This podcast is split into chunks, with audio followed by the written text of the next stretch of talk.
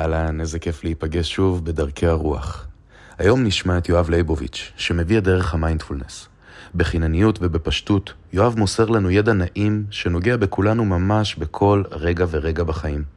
בפרק הזה אנחנו נענה על שאלות כמו מה זה מיינדפולנס ומה הקשר בין זה לבין יוגה? האם המחשבות והרגשות שלנו בשליטתנו בכלל? איך אנחנו יכולים להימנע מלהגיב בצורה שמביאה אותנו בדיוק לתוצאה ההפוכה ממה שבעצם התכוונו אליה? האם לכולם קשה בזמן מדיטציה? ומה ההבדל בין מתרגל מדיטציה ותיק לצעיר?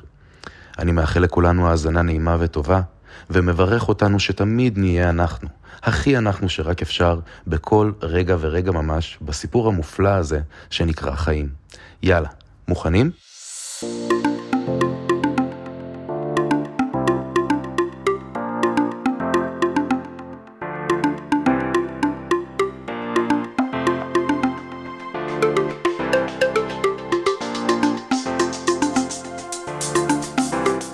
אהלן יואב, שלום אלכס. איזה כיף להיות פה, תודה רבה. בכיף, שמח שבאת, ממש.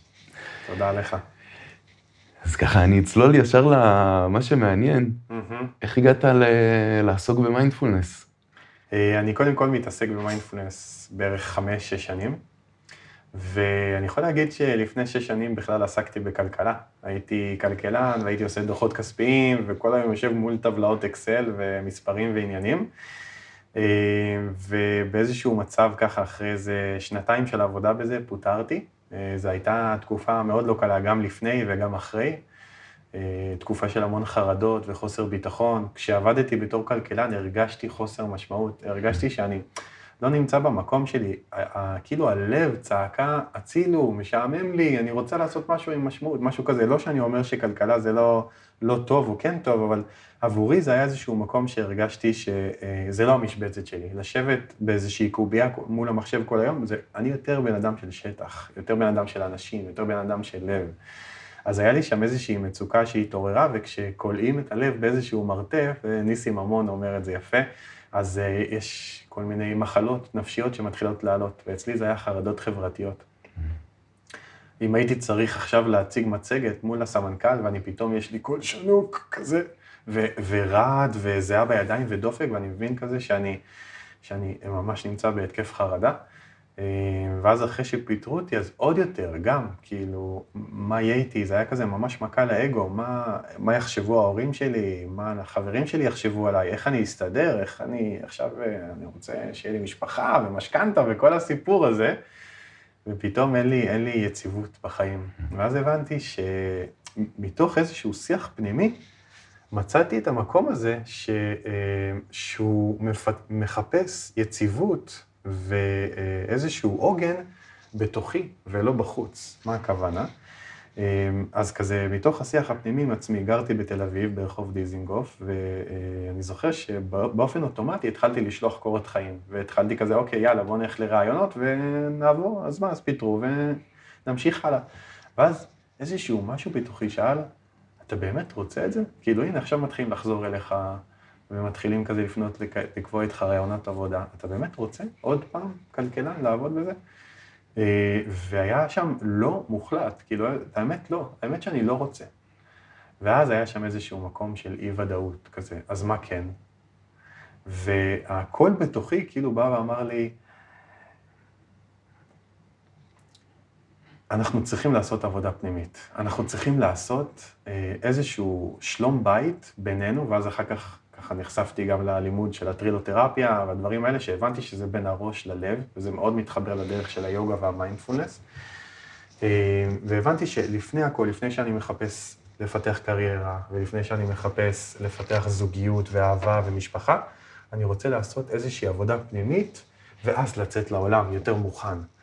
ואז אוקיי, ואז הבנתי כזה, בתוך השיח הפנימי אני צריך לעשות איזשהו שלום, ואז מה עושים? ושאלתי את עצמי, אז מה עכשיו? אז הוא אמר לי, צא לטבע. תמיד, תמיד כשהייתי בטבע, היה שם איזשהו כאילו התקלפות, שהייתי קצת יותר בחמלה לעצמי, וקצת יותר באהבה עצמית, וקצת יותר פתוח עם הלב, וקצת יותר במודעות, גם לעצמי וגם לסביבה. ובאמת הקשבתי לקול הזה בתוכי, ממש איזשהו קול נסתר כזה של חוכמה, ויצאתי לטבע ועשיתי כזה חלקים משביל ישראל. קודם כל כזה סיבלטתי את החדר שלי והעברתי את הדברים להורים, ואז יצאתי לאיזשהו מסע, הייתי נווד איזה תשעה חודשים בארץ. זה היה השנה הכי טובה שהייתה לי בחיים, כזה, זה נראה כאילו זה תלוש מהמציאות ואין לך קרקע, אבל להיות עלה נידף זה מאוד מרגש, בייחוד לבן אדם שאוהב חופש ועצמאות, ויודע להעמיק ולחקור את עצמו, אז לא היה לי בעיה להיות לבד. ישבתי למדיטציות וחקרתי את עצמי, ראיתי מה, מה יש בתוכי, את הרצון הזה לטוב בסך הכל, שהוא התכסה עם כל מיני דפוסים ודעות קדומות ואמונות של מה אמור להיות ומה לא אמור להיות, ובגיל 30 אני כבר אמור להיות נשוי עם ילדים, ואם זה לא קורה אז משהו לא בסדר בי. אמרתי, בוא נניח לכל הדברים האלה הצידה, ונראה עכשיו מה יש. ויש פה את יואב שבסך הכל רוצה לעשות טוב. וזה מדהים, כי אז אתה פתאום פוגש את עצמך. אז אה, גרתי כזה על חוף הים, בזולה, בקנטה, עם חברים ולבד, וגם קצת שביל ישראל וקצת טיולים בחו"ל. אה, ומפה לשם כזה התגלגלתי להודו, כי הרגשתי שאוקיי, אחרי שאני כזה, קצת כזה קיבלתי, קצת קילפתי מעצמי, ועכשיו ראיתי את ה... כמה אני מהמם ומדהים, וכמה אני רק רוצה לעשות טוב, אמרתי, אני צריך, צריך מורים, אני חייב ללמוד טכניקות, ואני חייב לפגוש ידע כדי לעזור לעצמי, להטיב עם עצמי של המשך הדרך. ו... ואז טסתי להודו, שזו הייתה הפעם השנייה שטסתי להודו, ו... ושם באמת עשיתי כזה איזשהו טיול רוחני. לא צ'ילומים ושחטות ו... וחבר'ה ומוזיקה וקרחנות, בכלל, בכלל לא זה. זה היה בהודו הראשון. ובהודו השני, אמרתי לעצמי, אני עובר בין מנזר למנזר, מריטריט לריטריט, צמא לפגוש מורים, מאסטרים, ושם באמת, זה, אפשר להגיד שהודו זה בירת הפטנטים הרוחניים, יש שם הכל. וזה מה שקרה, אה, ועשיתי סשנים של פראניאמה ונשימות ויוגה ומדיטציות ושתיקה ולא בשתיקה והכל, וטבע עוצמתי, אה, ושם נפתח לי המקום הזה של היוגה. אה, אני זוכר שעשיתי סשן של נשימות, שבסופו הייתי פשוט נהר של בכי. ובכיתי עכשיו בכי של אושר, של חיבוק עצמי, של אוי, הנה יואב המתוק הזה, הטהור הזה, מתחת לכל השיט שנצבר עליו, אני רואה את הגרעין הטוב שלי ואת הלב, אה, ואז כזה חזרתי לארץ, ואמרתי, אוקיי, מה, מה אני עושה עכשיו? אז, אז אחד השיעורים הגדולים שהיו לי בתוך הכניסה לעולם של המיינדפולנס זה להיות בתוך אי-ודאות. אז אמרתי, אוקיי, כרגע אין לך מספיק כסף להמשיך לגור בתל אביב, אז שחררתי את הדירה, ממש באיזושהי בגרות וענווה, ועברתי לגור שנה אצל ההורים שלי. ואז, גם מתוך שלא היה לי בושה, אני בן 30 וגר אצל ההורים, להפך, אמרתי שאני אנצל את השנה הזאתי לדייק ולפתח ולהעמיק את הקשר שלי עם ההורים שלי. ממש לעשות שם איזשהו תיקון. אה, והאמת שזה ממש הצליח, אימא שלי עד היום באה איתי לריטריטים וויפאסנות ולמדה אצל המורה שלי, שזה בעיניי כאילו, בהודו אומרים שיש לך חובה אחת שאתה לא תוכל אף פעם אה, למלא, אה, מה שנקרא, לעשות עליה וי. אתה תמיד תהיה חייב להורים שלך את המתנה של החיים. אז אומרים שאפשר לעשות חצי וי, אלא אם עזרת להורים שלך במצוק, מול מצוקה ומול סבל. אם הבאת את ההורים שלך לאיזושהי דרך רוחנית, אז אפשר להגיד שעשית את הכי הרבה שאתה יכול עבורם, כילד, כ, כבן שלהם. אז נחזור לס... אליי, ואני נמצא אצל ההורים, גר אצלם שנה, משקיע במערכת יחסים ומתחיל לתרגל כזה כל יום טכניקות וזה, ואז רגע, אבל ממה אני מתפרנס? וההורים כאילו, הם גם, הם רוצים לדעת מה קורה עם הבן שלהם. ובמקום הזה הבנתי שיש לי שם שיעור ענק באי-ודאות, של, אוקיי, אני לא יודע מה כן, אבל קודם כל אני יודע מה לא. כלכלה לא. זה חשוב, לדעת מה לא, זה גם, זה גם יופי של אה, אמ, תובנה עם עצמך, שאתה לא מסתובב סביב הזנב של עצמך וממשיך לחפש במקום שהוא לא רלוונטי לך. אז אוקיי, כלכלה לא, ואז מה כן? ואמרתי, נראה לי שמתחבר לי לעבוד באדמה, ולעבוד ככה, להיות אה, אה, בגינון או חקלאות. ובאמת הייתי שנה עוזר, עוזר אה, גנן. בחור מבוגר שהייתי סוחב את הדברים בשבילו, וכזה יד ימינו, ושותל, ומתחח, ועובד בשמש, ומ-6 בבוקר עד 12 בצהריים מבסוט, מאושר, אני צריך יותר מזה. כל המשרד וזה, זה לא בשבילי, אני, הנה, אני מאושר כאן. והוא גם היה פילוסוף, והוא כזה, היינו מדברים על גורג'ייף וכל מיני דברים כאלה, אז זה היה ממש נחמד. אמ, ומפה לשם, כזה התחלתי ללמוד אצל אה, גלית, גלית לוין מעמותת קדן, שהיא המורה שלי למעשה. אז ככה חיפשתי בהודו ופתאום פגשתי אותה בנטף והתחלתי לקבל את כל הידע של היוגה. וככה אחרי זה חצי שנה, שאני גם גנן וגם לומד, אה, מתקשרת אליי חברה, שהיא נשואה לחבר ילדות שלי, שהיא פסיכולוגית קלינית וגם חינוכית, אני חושב, שהיא מהמקימה של קהילת תוצרת הארץ, שהם חבר'ה סטודנטים שגרים בלוד, לומדים בעברית, בבר אילן, בתל אביב, ותומכים בעיר מבחינה קהילתית, עושים להם כל מיני פרויקטים, כל מיני אה, דברים מאוד מעניינים לקהילה. ואז היא אמרה לי, תשמע, יש פה מלא חבר'ה סטודנטים שרוצים ללמוד מיינדפולנס ומדיטציה. בא לך לבוא? בא לך לבוא ללמד אותנו? אה, ואני כזה, וואי, פחד, כאילו, אני לא יודע, אני לא, איך אני אלמד, מה אני אגיד, למה שיקשיבו לי, דברים כאלה. ואמרתי לה, את יודעת מה, את לא סתם שואלת את זה. אני קופץ למים, אני מנסה את זה. והיא ממש ארגנה לי את כל הקבוצה, היו איזה 17 אנשים, ו- וזה כל כך מצחיק שה-17 אנשים האלה בכלל לא שמו לב שזה קורס ראשון שלי. עד היום הם מדברים איתה עליי. אה, ו- וזה היה כזה ממש בדנה, בתרומות, זה עוד לא היה פרנסה, היו שמים לי 10-20 שקל למפגש, כזה ממש בצניעות, ולא היה אכפת לי, כי אני עובד כגנן. זה היה בשביל הכיף שלי, וישבתי ממש לפני, לפני הקורס, שעות של תמלולים ולהכין את המערכי שיעור. אה, ואז יצא קורס מיינדפולנס ראשון, ומאז כבר חמש שנים שאני מלמד את זה, ו, אה, ומעביר גם ריטריטים, והכל כבר, אה, מה שנקרא, היסטוריה. ככה הגעתי לזה. אז אני מודה על האנשים שפתחו לי את הדלתות בחיים שלי, ועליי, שהיה לי מספיק אומץ לעשות שינוי כיוון, וגם לדעת להיות, לנוח בתוך אי-ודאות, בסביבה, במציאות שהייתה. אז מה זה מיינדפולנס בעצם? אה, אז אתה יודע, זה מצחיק, כי שואלים אותי את זה המון. מיינדפולנס, זה, זה, זה יכול להיות לזה כל כך, יכולות להיות לזה כל כך הרבה תשובות. תלוי מי שואל אותי ובאיזה מצב אני נמצא ומה בא לי להביא באותו רגע, אז כל פעם ששואלים אותי יוצאת תשובה אחרת. ואני יכול להגיד ש... אולי זה מיינדפולנס, מה שאתה אומר. שזה החיים בעצם. שכאילו פעמים יוצא משהו אחר. אז מה, אז מה עכשיו בעצם מגדיר לך את המיינדפולנס? אז, היום אני רוצה להגיד את זה באופן יותר הוליסטי, אה, כללי ושמקיף אה, הרבה דברים, אז אפשר להגיד שזה סוג של עץ שיש לו שני ענפים.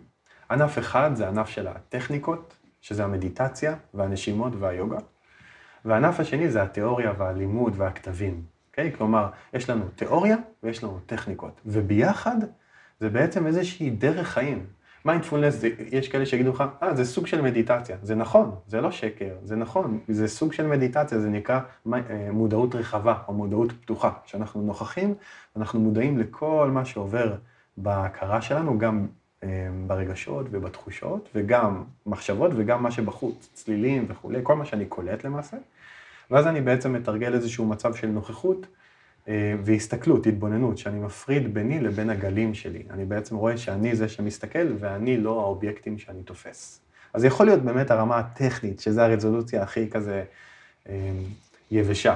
אבל זה, בעיניי זה באמת דרך חיים, זה משפיע על התזונה שלי, זה משפיע על המערכות יחסים שלי, זה משפיע על השיח הפנימי ביני לבין עצמי, זה משפיע על איך אני קם בבוקר, זה משפיע על כל כך הרבה דברים, שזה לא רק, לא רק מדיטציה, זה לא רק טכניקה, זה כבר איזשהו תוצר של הטכניקות והתיאוריה והלימוד והמודלים שמבוססים, בין אם הפסיכולוגיה של היוגה ובין על הבודהיזם, שמביא אותך בסוף להלך בעולם ביותר מודעות. ומודעות, בפסיכולוגיה זה נקרא מטה-קוגניציה. איזשהו מצב שבו אתה מודע, כמו שאמרתי, למה שחי בתוכך, גם אם זה הרגשות והמחשבות, ומתחת לצרכים שיש, ואתה יכול לראות אם צורך קיבל מענה או לא קיבל מענה, ובין אם זה בחוץ. עכשיו, זה לא רק לקלוט את הצלילים והריחות והצבעים, זה גם לדעת איפה אתה נמצא עכשיו, ואיזשהו קשב כללי לסיטואציה, לדעת מה המטרה שלך בתוך הסיטואציה,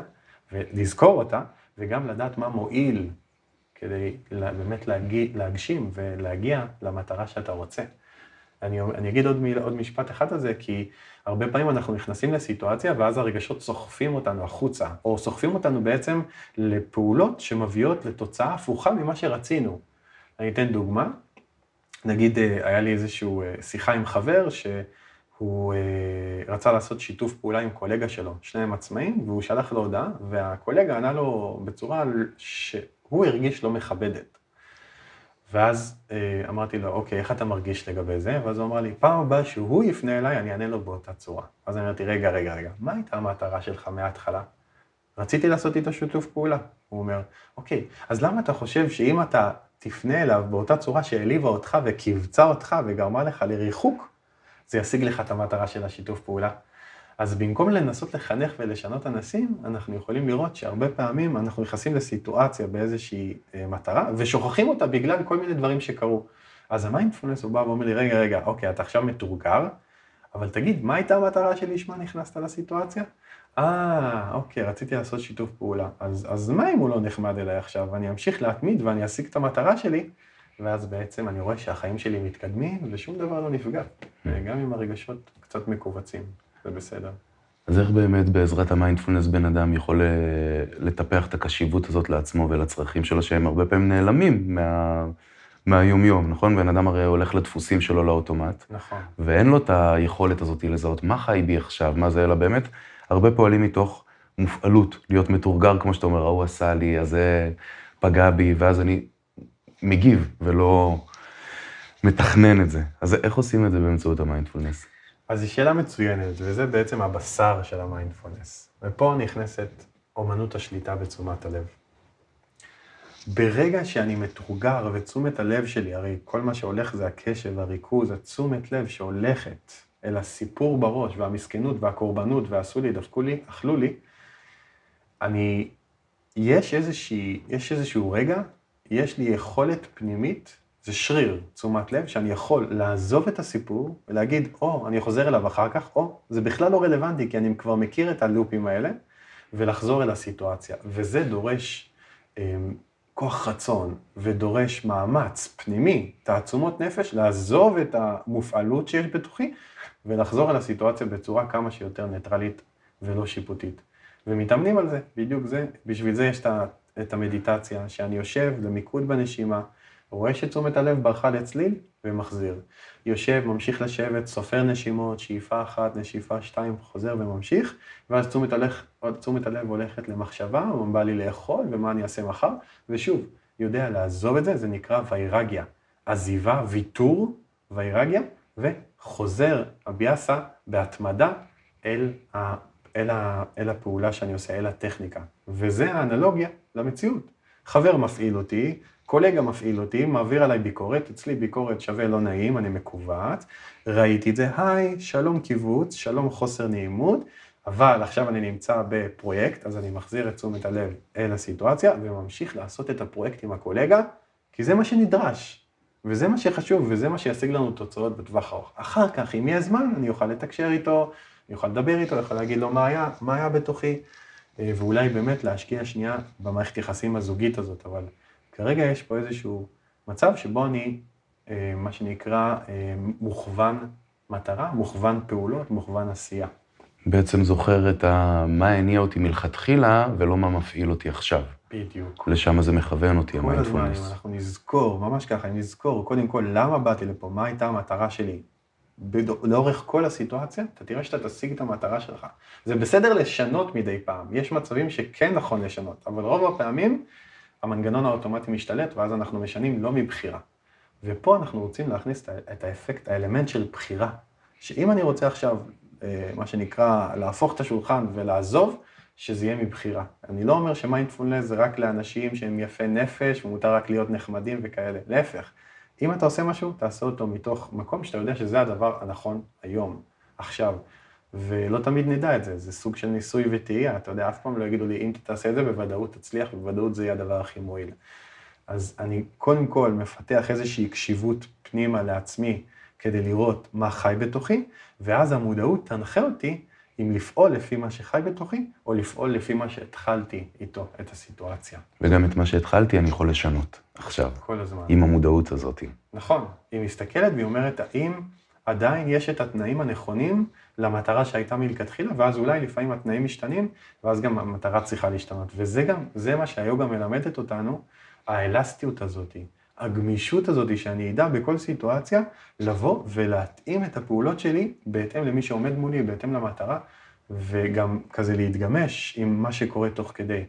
אבל אה, זה, זה סוג של יכולות על, לא אבל, זה ממש סוג של יכולות על. כוח על. מה הקשר בין מיינדפולנס ליוגה בעצם?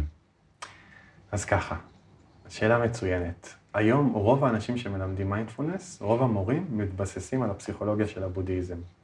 זה משהו ש... אה, שהוא המיינסטרים היום. בטח שמעת על MBSR, אה, Based Stress Relief.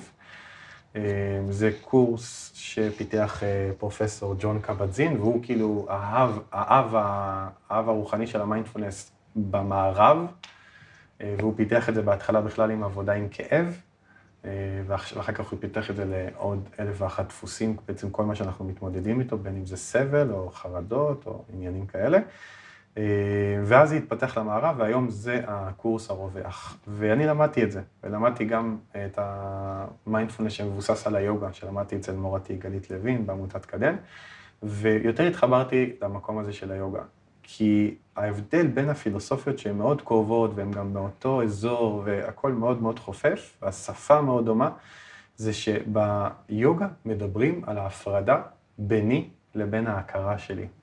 הרבה פעמים אנשים רוב הזמן חיים בעולם הזה והם חושבים שהם זה המחשבות שלהם, אני זה ההכרה שלי, ה mind, אני זה הרגשות שלי, ואני זה ההזדהויות שלי, ואני זה העבר שלי והתכונות אופי שלי. הכל והכל הכל זה אני, זה אותו דבר, זה אחד. והיוגה באה ואומרת, לא, יש פה שני אלמנטים, יש פה אלמנט קבוע, שכל הזמן עד לדברים, מתבונן, מבחין, ויש פה את התכנים שמשתנים ועולים, אה, עולים ויורדים ומופיעים ונעלמים, ו- וזה תלוי תקופה בחיים שלך, וזה תלוי אה, אה, אה, תפקיד, אם אתה בצבא, או איש מקצוע, או מה שזה לא יהיה, או איש משפחה, וכולי וכולי. אז ההפרדה היא זה ש... אה, אני מודע לתכנים שלי, והתכנים הם לא אני, אלא משהו שאני אה, אה, יכול להבחין בו ולהסתכל עליו. אז בעיניי זה עשה לי איזשהו סוויץ' כל כך גדול, שפתאום הבנתי, וואי, כאילו, אשכרה, אני, אני, אני, גם אני רואה את זה הלכה למעשה, שאני זה שמבחין, וכל הזמן יש את, ה, את העד הזה ששם לב לדברים, וגם זה כל כך נותן לי חופש פעולה, שאני לא הבן אדם עם הפרעות קשב וריכוז, ואני לא החרדתי הזה, וכל המילים ששמו עליי, ושמתי על עצמי, פתאום כאילו זה נותן לי לצאת מהמסגרת הזאת, ולראות את עצמי נקי, כי המקום הזה של המודעות הוא נקי ונטול כל הדברים האלה, ואז פתאום יש פה איזשהו עוצמות ומוטיבציה להתפוצץ על העולם, להגיד, אוקיי, אני, כל מה שאני אבחר ואני אתמיד בו, אני אהיה מסוגל לעשות אותו, אני אהיה מסוגל להיות טוב בו ולתת מתנות לאנשים סביבי. אה, אז הדרך של היוגה הייתה בשבילי mind blowing, שזה פעם ראשונה ששמעתי שמדברים ואומרים לי, אתה זה לא המחשבות שלך ואתה זה לא הרגשות שלך, אלא אתה זה שמבחין ומודע אליהם. אז אה, אה, זה ככה הקשר בין היוגה למיינדפולנס, וכל הטכניקות מבוססות על זה, או מגיעות לזה בסוף, שאתה רואה את ההבחנה הזאת, ביוגה זה נקרא ויבקה. ויבקה זה הבחנה בין הקבוע למשתנה, ואם אתה חי ככה, אז אתה חי במיינדפולנס.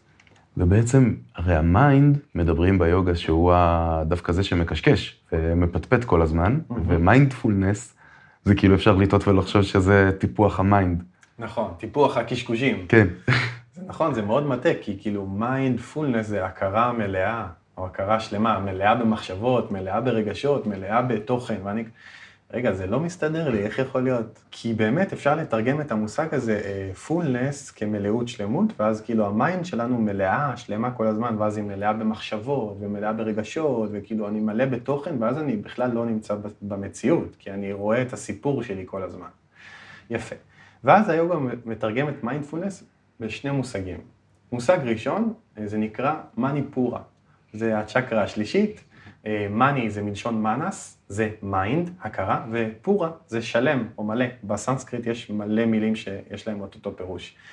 אה, ואז אנחנו בעצם מדברים על הכרה אה, מלאה מתוך מקום של להכיר, לדעת, להיות מודע ל, לראות. וברגע שאני מודע ל, אני לא נמצא בתוכן, אני מבחין ואז אני לא מתעסק בסיפור. זה המקום הזה של באמת ההבדל בין הלהיות במקום הקבוע שמסתכל, לבין המקום שמתעסק בסיפור ונשאב לתוכו.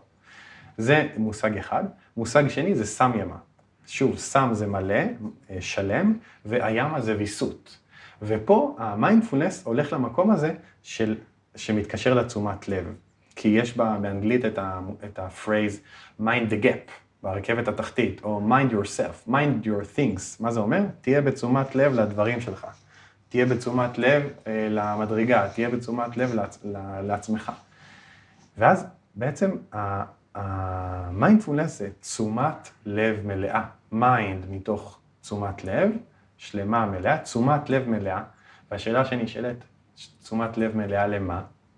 אז בדיוק למה שחי בתוכי, ולסיטואציה, ולמטרה בסיטואציה, ולמה שאני מנסה להשיג, ואיך עושים את זה. כלומר, זה או, אפשר להסתכל על זה מתוך המקום שאני מכיר משהו ומודע אליו, או מתוך המקום הזה שאני בתשומת לב למה שיש, ואני יודע לווסת ויסות מלא את תשומת הלב לאן, ש, לאן שאני רוצה, לאן שאני בוחר. בעצם להחזיר את השליטה אליך, מה mind. ממש ככה, ממש ככה. במיינדפולנס אנחנו אה, מלמדים בקורסים למשל, אני מדבר איתם על מה בשליטתכם ומה לא בשליטתכם. ולפעמים אנשים יודעים את זה, לפעמים הם, הם לא יודעים, הם לא יודעים נגיד שמחשבות לא בשליטתנו, ושרגשות לא בשליטתנו. ו, וממש מתפתח דיון שלם, רגע, אתה בטוח? ומה עם זה, ומה עם זה? ואנחנו לוקחים דוגמה אחרי דוגמה, ואנחנו רואים כמה רגשות זה לא דבר שבשליטתנו. כלומר, אני לא מדבר על המקום שאני צועק, אני מדבר על הרגע שמישהו בא ואומר לי, הזקן שלך מכוער ויש לי קיבוץ. ביוגה זה נקרא אה, אה, אה, דוקאם, צמצום של המרחב הפנימי. וזה עניין של חמש שניות, חמש עד חמש עשרה שניות שיש בי רגש של קיבוץ. אחר כך, מה אני עושה עם זה? זה פה נכנסת האומנות של המיינדפולנס, שאני בוחר אה, אה, בפ, בר, במרווח בין תגובה לפעולה. התגובה זה פנימי, אינסטינקטיבי, מהיר, ופעולה זה כבר משהו במציאות שיש לי בחירה ושליטה עליו. אז במחשבות ורגשות אין לי שליטה, אבל בפעולה שלי מול התגובה הפנימית, בהחלט יש לי שליטה, ועל זה אני יכול להתאמן, וכל זה התורה, להתאמן על יכולת הפעולה שלך. ואני אגיד עוד משהו, שהרבה פעמים כאילו באמת יש את הדיון הזה של רגע, אתה בטוח וכולי וכולי, ואז אני, שואל, אני אומר להם, תחשבו רגע אתם. אם אתם הייתם 100% שולטים ברגשות ובמחשבות שלכם, לא הייתם בוחרים להיות כל היום בהתרחבות לא הייתם בוחרים כל היום להיות בשמחה? לא הייתם בוחרים שיהיה לכם מחשבות נעימות ולא להיות בלופים האלה? ואז אומרים, אה, אוקיי, אז באמת, יש פה אפקט של חוסר שליטה. ואז כשאתה אה, מוכן, מוכן להבין שזה לא בשליטתך, גם המאבק, שזה גם חלק מהאומנות של המיינדפולנס, המאבק שוכח. המאבק פתאום הופך להיות, אוקיי, כאילו יורד גשם. גשם לא בשליטתי, אבל מה שבשליטתי זה איך לפעול כשיש גשם. אז עכשיו יש בי מזג אוויר של חרדה או כעס, לא בשליטתי. יש כל מיני טריגרים וכל מיני ידע שיושב אצלי במערכת, מה אמור להיות ומה לא אמור להיות, ולא ניכנס לזה. המיינדפולנס הוא מאוד מתעסק בהווה. הוא לא מתעסק באבא ואמא ומה היה בילדות, הוא מתעסק במה עכשיו. אז אני אומר, אוקיי, עלה לא מבחירה שלי, ועכשיו איפה אני יכול להשפיע? איך אני יכול להתקדם לעבר פתרון בעיה, ולא להוסיף בעיה על בעיה. אני רוצה לשאול אותך משהו על תפיסה של תלמיד רוח. כי בעצם אתה אומר זה שריר, מודעות ותשומת לב זה שריר שיש לטפח ולשים אליו לב. אתה יודע, לאמן את היד או את הרגליים בחדר כושר, כולם יודעים, כי זה מאוד גשמי. זאת אומרת, אני בא, אני אעשה כך וכך כפיפות והשריר שלי יגדל. נכון. ובן אדם שהוא לא רגיל לעבודה רוחנית, עבודה רוחנית, כמו בחדר כושר, אבל בחדר כושר של המודעות, יכול לשאול את עצמו, מה זה אומר לטפח? זה לא, מוח... זה לא מוחשי לי, במה אני נאחז כשאני מטפח תכונה שהיא ארטילאית כמו תשומת לב? Mm. אז זה, זה ממש, ממש כמו חדר כושר. ממש, אה, שתשומת לב זה שריר מנטלי. אה, ואני אגיד אפילו רגע עוד משהו לפני שאני צולל לשאלה שלך.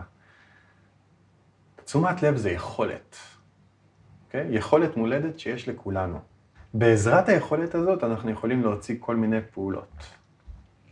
קשב, ריכוז, תקשורת, תכנון, היזכרות, אני מפנה את תשומת הלב אל העבר שלי, אה, פתרון בעיות וכולי.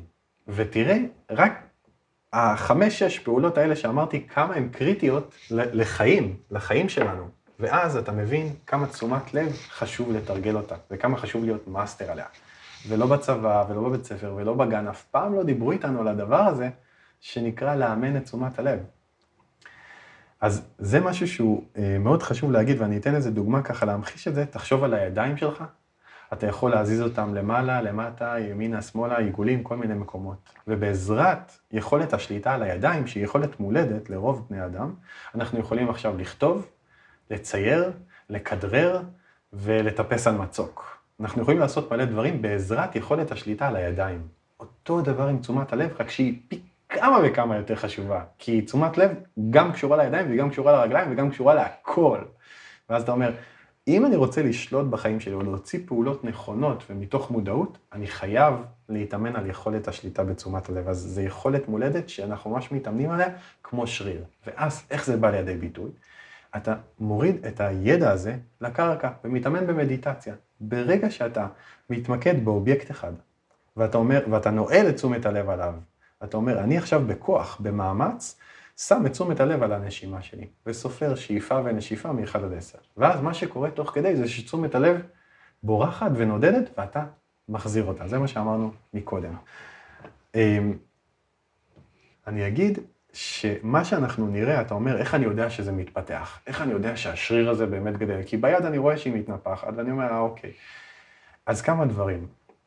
בזמן תרגול מדיטציה אני תמיד ארגיש קשה ועייף, וזה גם מה שתרגישו. אם נתרגל עכשיו חמש דקות, אתם תרגישו שזה וואחד מאמץ. אבל זה בסדר להרגיש חלש, זה בסדר להרגיש עייף וקושי. למה? כי בזמן התרגול, כמו בחדר כושר, כשאני מרים את המשקולות, יהיה לי קשה. אבל אחר כך, כשאני אצא אה, לעשות קניות בסופר ואני ארים שקיות, יהיה לי הרבה יותר קל להרים את השקיות. אה, אה, זה מהתרגול בחדר כושר, איזה חזק אני. אותו דבר פה. אני מתרגל ואני עייף וקשה לי, אבל בזמן, בפעם הבאה שמישהו יתרגר אותי, אני אהיה פחות על אוטומט. זה, זה מקסים מה שאתה אומר, כי בעצם בן אדם, הרבה פעמים בהתחלה, אני זוכר גם עליי, בתחילת הדרך במדיטציה, אתה מין כזה יושב ולא בטוח אם אני עושה מה שאני אמור לעשות, נכון? יש כאילו אתה אמור לעשות, ואין אמור לעשות, יש, אבל כאילו אין באמת. ואז בן אדם אומר, אוף, אני לא מצליח לעשות מדיטציה, אני לא טוב במדיטציה, זה קשה לי, זה זה. ואז אתה אומר, אתה מצליח.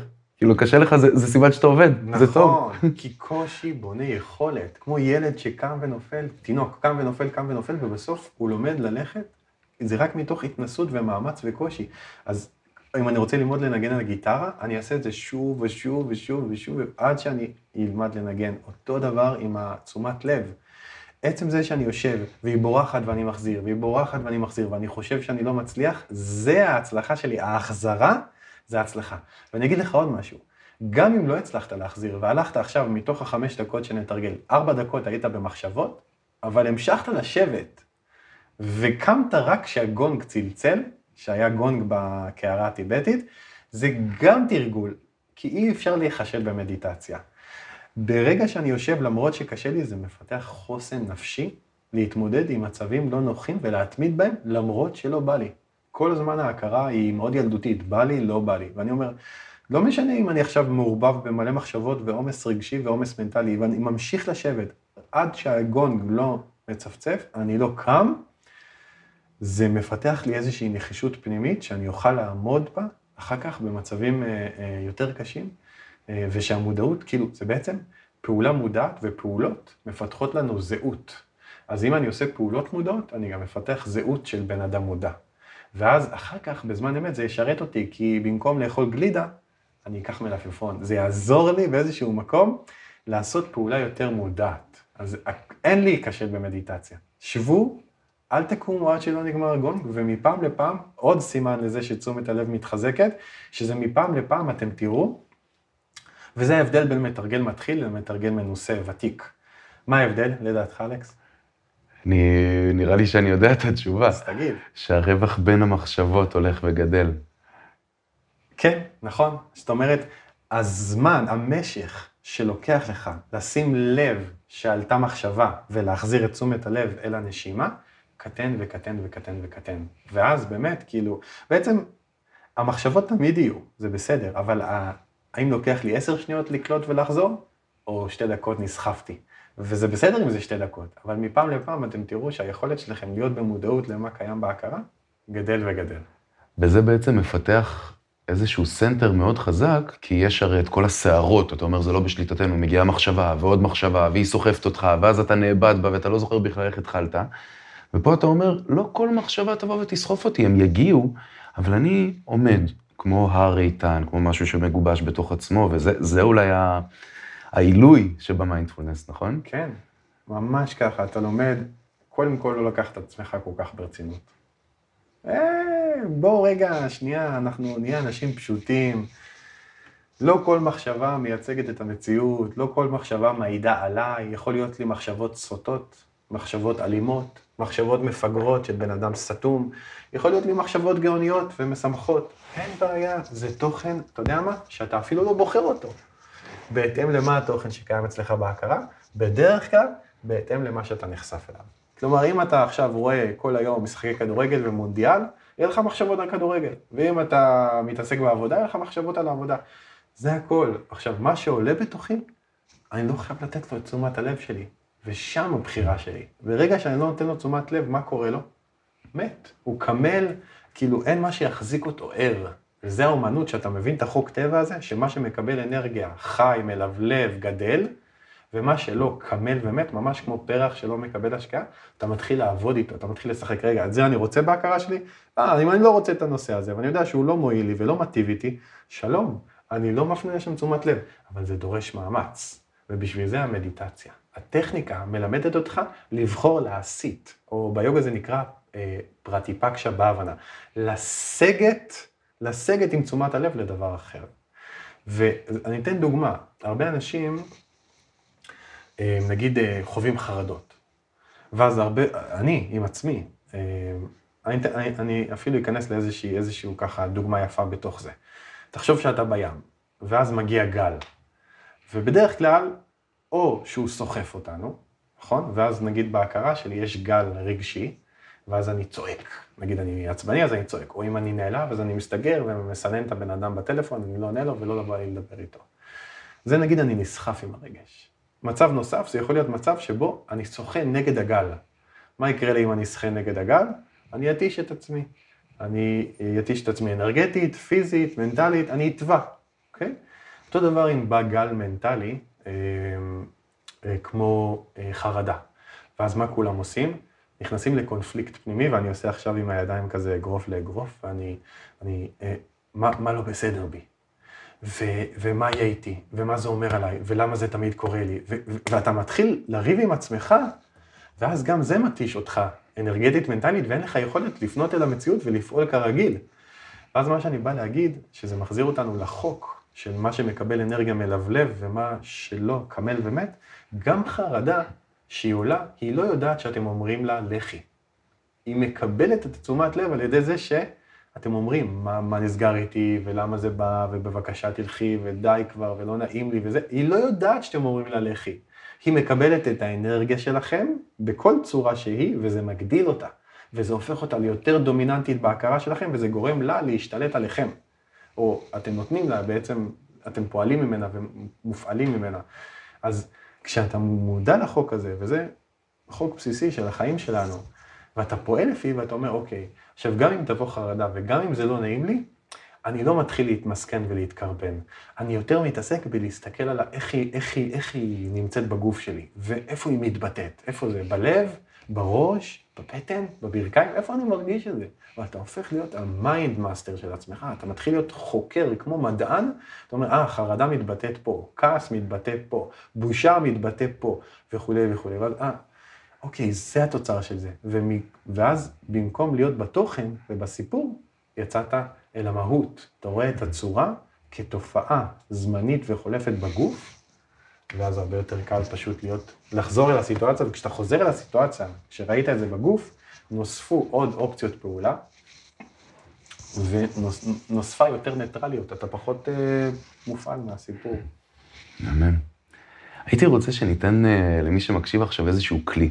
ממש ככה פרקטי, להתמודד עם כל מיני בעיות כאלה שצצות. ובשביל זה הייתי רוצה שנבחר איזשהו נושא, ככה ממש כל מי שמאזין, לכולנו בסוף יש את, ה, את הבעיה התורנית, אתה מכיר את זה שכאילו עכשיו, בזה אני מתעסק, ואז mm-hmm. לשם אני חוזר, וזה הלופ שמחזיר אותי, ועכשיו עד שאני לא אחפור את זה למוות, זה לא ייפתר, זהו. אז כל אחד בבקשה, מהמאזינים, מתבקש לשלוף את הבעיה התורנית שלו. Mm. מה שמעסיק אותו הבוקר, הלילה, בצהריים, מה שעכשיו חי.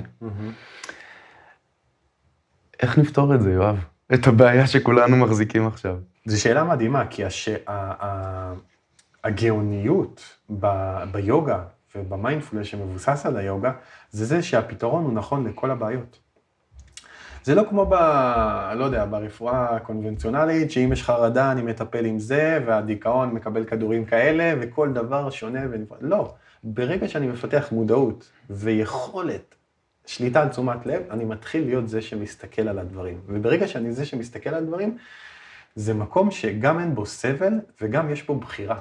חופש, ממש כאילו, אוקיי, עכשיו אני מאוד מופעל, אז אני יכול להגיד לבת זוג שלי, בואי שנייה ניקח חצי שעה רגע פסק זמן זה מזו. או אני יכול לתקשר את הצרכים בתוכי, למרות שאני מופעל, וזו החוכמה הגדולה. אם עכשיו אני צריך לדבר מול 200 אנשים באיזה כנס, קרה לי, שמאוד מאוד התרגשתי, ואני בא עם רקע של אה, חרדות חברתיות, מזכיר לך מתחילת השיחה שלנו, ופתאום ראיתי כמה מיינדפולנס שינה לי את החיים.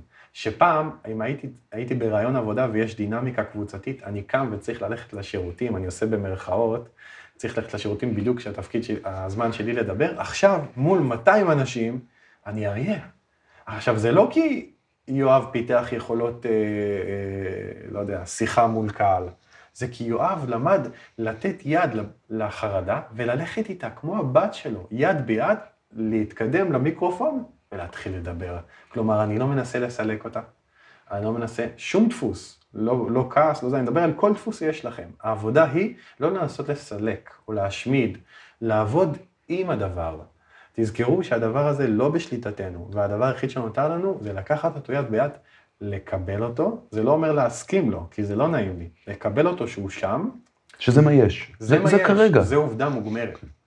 בדיוק. ועכשיו, מה עליי לעשות? אה, אני מפנה את תשומת הלב חזרה אל המציאות, ואני רואה שיש פה 200 אנשים שמחכים למוצא פי. תתחיל לדבר. תתחיל לדבר, וגם אם יהיה לך קול רועד, fuck it, זה גם. אני גבר רגיש ואני יכול לתקשר את זה, אני מאוד מתרגש לעמוד מולכם היום, כן? ואז אנשים פתאום נפתח להם, וואי, הוא בן אדם, הוא לא עכשיו איזה, זה, הוא בן אדם. רגע, בואו נצא מכל המסכות והתפקידים, בואו נהיה פשוטים, בואו נהיה בני אדם, והמקום הזה שאני הם, לוקח את ה... כביכול את מה שנמצא בתוכי ואני פועל איתו, אני נותן מקום לכל מנעד, לכל מנעד הרגשות שיש בתוכי להיות. ואני לא מתנגד ולא מתיש את עצמי ולא מעייף את עצמי במלחמה חסרת ערך. ואם בן אדם עכשיו קשה לו לקבל את הבעיה הזאת שהוא שלף, נגיד הוא אומר, לא יודע מה, הבוס מציק לי בעבודה, אני לא אוהב את איפה שאני נמצא, אני, לא- אני רוצה לגור בככה וככה. ובדרך כלל יש איזשהו קושי בלקבל את המצב הקיים, נכון? שם נתקעים. אז מה אתה יכול להגיד לבן אדם שיעזור עם הקושי הזה לקבל? אמ, קודם כל אמפתיה. הרבה פעמים, בייחוד גברים וזכרים, אה, אופי זכרי, אה, אז, אז מנסים לתת פתרון. ודבר ראשון, לדעתי, רוב האנשים רוצים שישמעו אותם, רוצים שיקשיבו להם. אני מרגיש מה זה עושה לי כשאני יושב לשיחה עם חבר נפש והוא שומע אותי. את, את כל מה שעובר לי בלב, אני מרגיש כאילו פתאום יותר ראוי, וגם תוך כדי שאני מדבר, אני מסדר דברים בתוכי. זה כמו תרגיל כתיבה, גם כתיבה עושה אותו דבר. הקצב של המחשבות יורד לכתיבה, ואז אני מתחיל, מצליח לסדר את הדברים בראש שלי, וקצת משהו נח. אז קודם כל, גם אם זה כעסים, וגם אם זה דיכאון, עכשיו חבר שלי נמצא בתקופה חשוכה, שחורה, או אני, קשה לי, וחבר, אה, ואני, והוא בא אליי ומדבר, אני אשב איתו בחדר החשוך, עד שהוא ירצה להדליק את האור. אני לא אנסה לתת לו עצות, ואני לא רוצה להגיד לו, נו, מה נסגר איתך, עזוב אותך בקטנה וכולי וכולי, וכל מיני דברים כאלה. לא. אני אהיה איתו, אני אשב איתו בחושך עד שהוא ידליק את האור. וקודם כל, המקום הזה של לתת, ל... לתת לבן אדם להיות עם מה שחי בו, הוא כל כך טרנספורמטיבי, כי, כי פתאום מתוך הדרך הוא מתחיל להיות מודע למה שחי בתוכו. ולפעמים רק מעצם זה שאני אתחיל להיות מודע לדבר, זה פותר כמעט, לא יודע, 80-90 אחוז מהבעיה. ואז הוא בא ואומר לי שיש בו חוסר שביעות רצון, והוא קצת, אחרי שישבנו וכאילו נתתי לו לדבר, הוא, זה נראה כאילו שהוא קצת פחות בתוך הסיפור והוא יותר רואה באמת את מה נדרש, מה המטרה, מה הסיטואציה. ובמקום הזה אני באמת, כאילו, אני, מה שאני הייתי כאילו מנחה את עצמי, זה לשאול את עצמי שוב ושוב מה המטרה. אם לא נעים לי עם הבוס שלי, זה לא אומר שאני נמצא במקום עבודה לא טוב. כי יכול להיות שהעבודה משרתת אותי ומפרנסת אותי, ויש לי שיעור ללמוד עם בוס עצבן. יש לי מה ללמוד שם.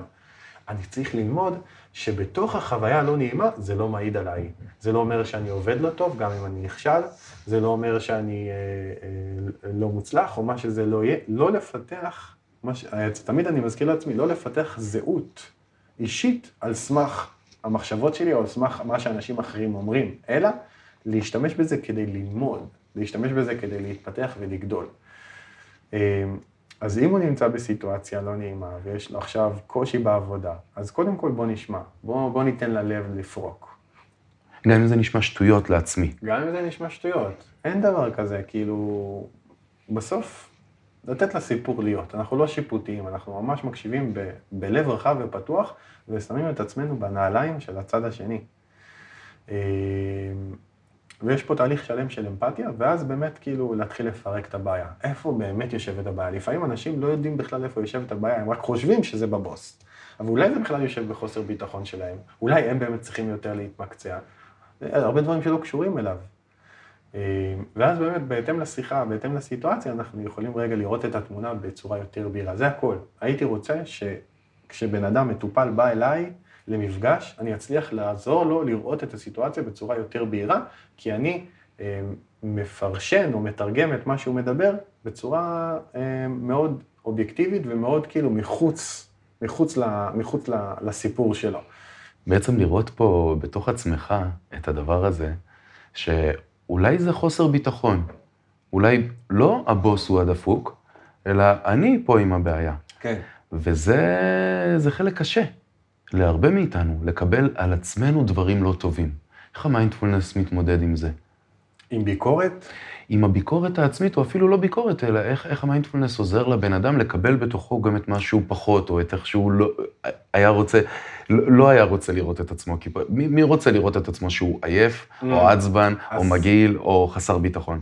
וזה בדיוק מתחבר למה שאמרתי מקודם, כי כשאני ניגש לאיזושהי סיטואציה לא נעימה, עם על עצמי, ואני מזוהה עם מה שאמרו עליי, או מזוהה עם מה שאני חושב על עצמי, אני אכנס לתוך הסיפור וייסחף, והוא יפעיל אותי והוא יגביל אותי. אבל ברגע שאני נשאר זה שמודע לסיפור, ועכשיו, לא, עכשיו במודעות מה היופי? כי אתה כל הזמן מנסה להתפתח ולגדול במודעות. למעשה זה התכלית שלנו. תכלית האדם, לפי היוגה, היא לגדול במודעות עצמית. ככל שאתה יותר מודע לעצמך ולסביבה שלך, אתה בעצם אה, עושה פעולות יותר נכונות, אתה מגשים את עצמך, אתה מביא לידי ביטוי את הדבר הכי עמוק שיש בתוכך. אז ברגע שאני רואה את הדברים ולא מאמין להם, ומשתמש בהם כדי ללמוד ולהתפתח ולגדול, אני בעצם רואה שיצא מה שנקרא, יצא מזה מתוק, יצא מזה משהו טוב, גדלתי, אה, אוקיי. אז אם זה מפריע לי, זה כי אני מזוהה עם, ה... עם יואב.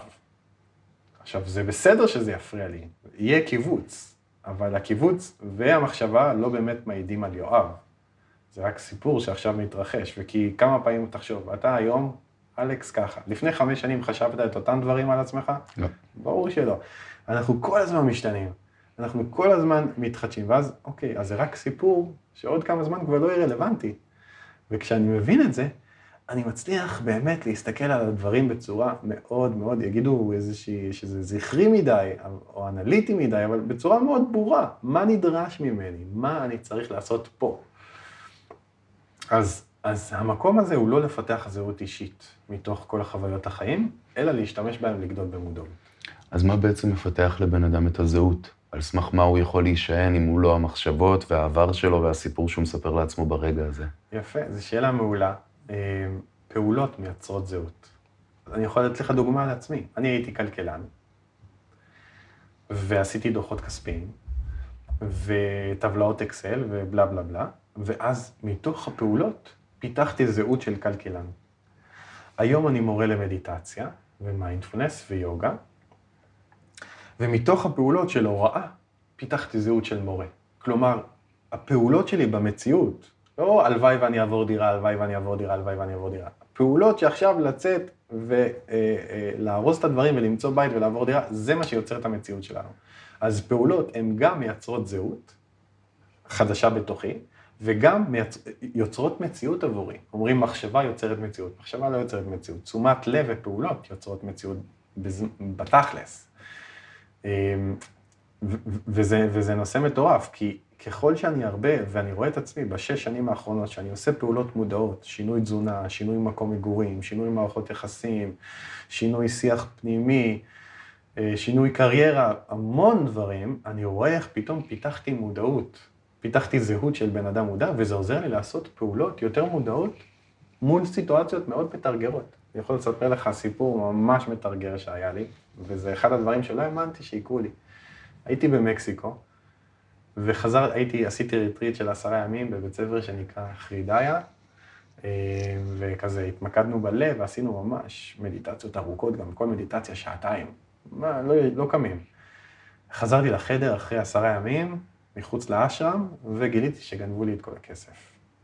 אה, כמה מאות דולרים שהיה לי. וידעתי מי זה. ידעתי מי גנב לי.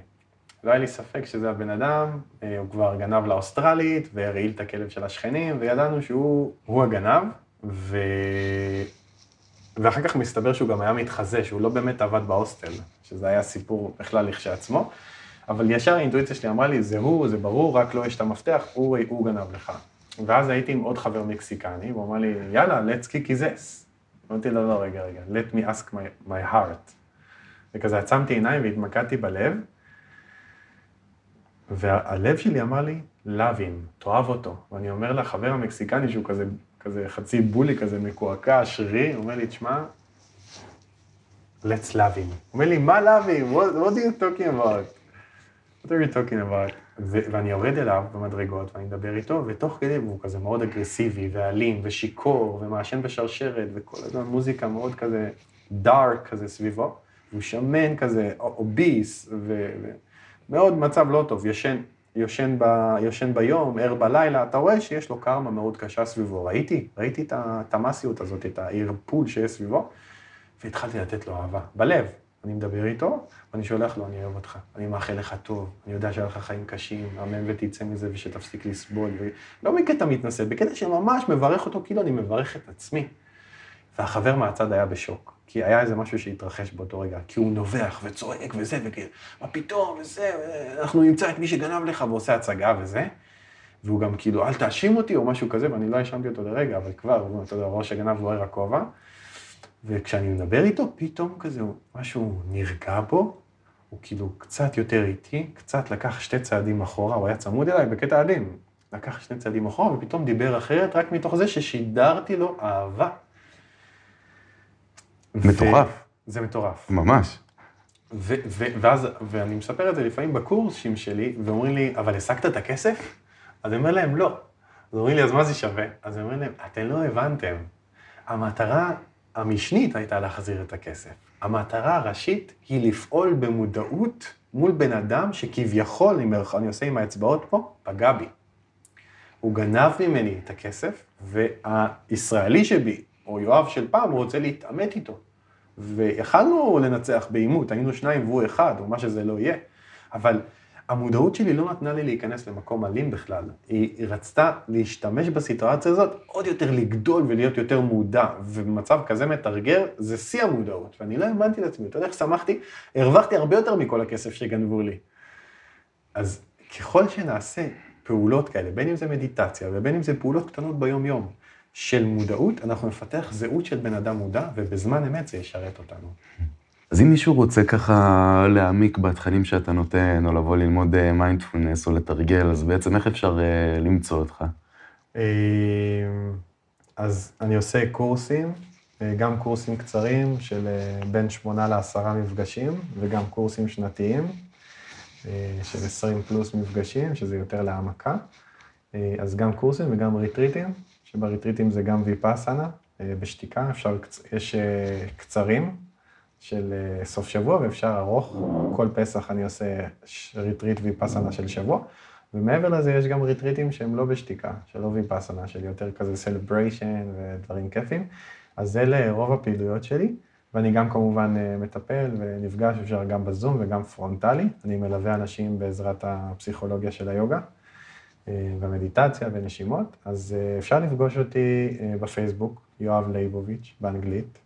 יש לי אתר שנקרא פרניה, שזה P, R, A, N, Y, A, פרניה, ויש קבוצה שאני חלק ממנה שנקראת אקילה. אז גם אפשר לכתוב בגוגל או יואב ליבוביץ' או אקילה ולמצוא אותי ואת הפעילויות שלי. אקילה זה קבוצה של כרגע שלושה מורים שעוד גדלה וגדלה, שאנחנו משתפים פעולה ואנחנו עושים דברים דומים, אז החלטנו ככה להקים את הארגון הזה, וזה ממש בחיתולים שלו, ואיך תדע עוד כמה שנים לאן זה, איפה זה יהיה. אז פשוט, כן, תבואו ותחוו את הדרך הזאת הלכה למעשה על עצמכם ותרגישו, ואינשאללה נעשה ביחד מהפכה של מודעות, מהפכה שקטה, נרבה טוב בעולם. אמן ואמן. אמן. תודה רבה, יואב. העונג הוא לי, תודה לך. תמשיך בעשייה שלך, כיף, כיף ממש. תודה רבה. תודה רבה לך ולך שהאזנתם עד הסוף. מוזמנים לשמור על קשר בדף הפייסבוק שלי, לשאול שאלות ולהציע הצעות. בפרק הבא תתארח שרון לוי סולרייזינג, שתשפוך מאורה על הדרך המופלאה של האסטרולוגיה. עד הפעם הבאה, ניפגש בדרכי הרוח, מדברים פתוח על רוח.